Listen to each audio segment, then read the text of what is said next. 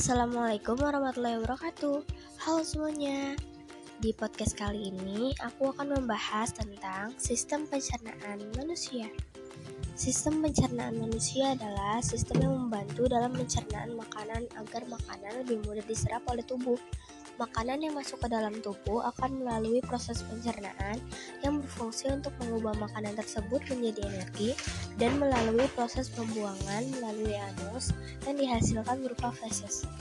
Proses perjalanan makanan dari mulut sampai ke pembuangan disebut sistem pencernaan. Makanan yang tadinya kasar akan berubah menjadi lebih halus dengan bantuan gigi dan enzim. Enzim pencernaan dapat mempermudah proses penyerapan sari makanan. Organ pencernaan manusia terdiri dari enam bagian, yaitu mulut, kerongkongan, lambung, usus halus, usus besar, dan anus. Mulut berfungsi untuk menghancurkan makanan agar ukurannya menjadi lebih kecil. Sedangkan kerongkongan berfungsi untuk memindahkan makanan ke dalam lambung dengan gerakan peristaltik. Lambung berfungsi untuk memecah makanan dan mencampur makanan dengan enzim dan asam.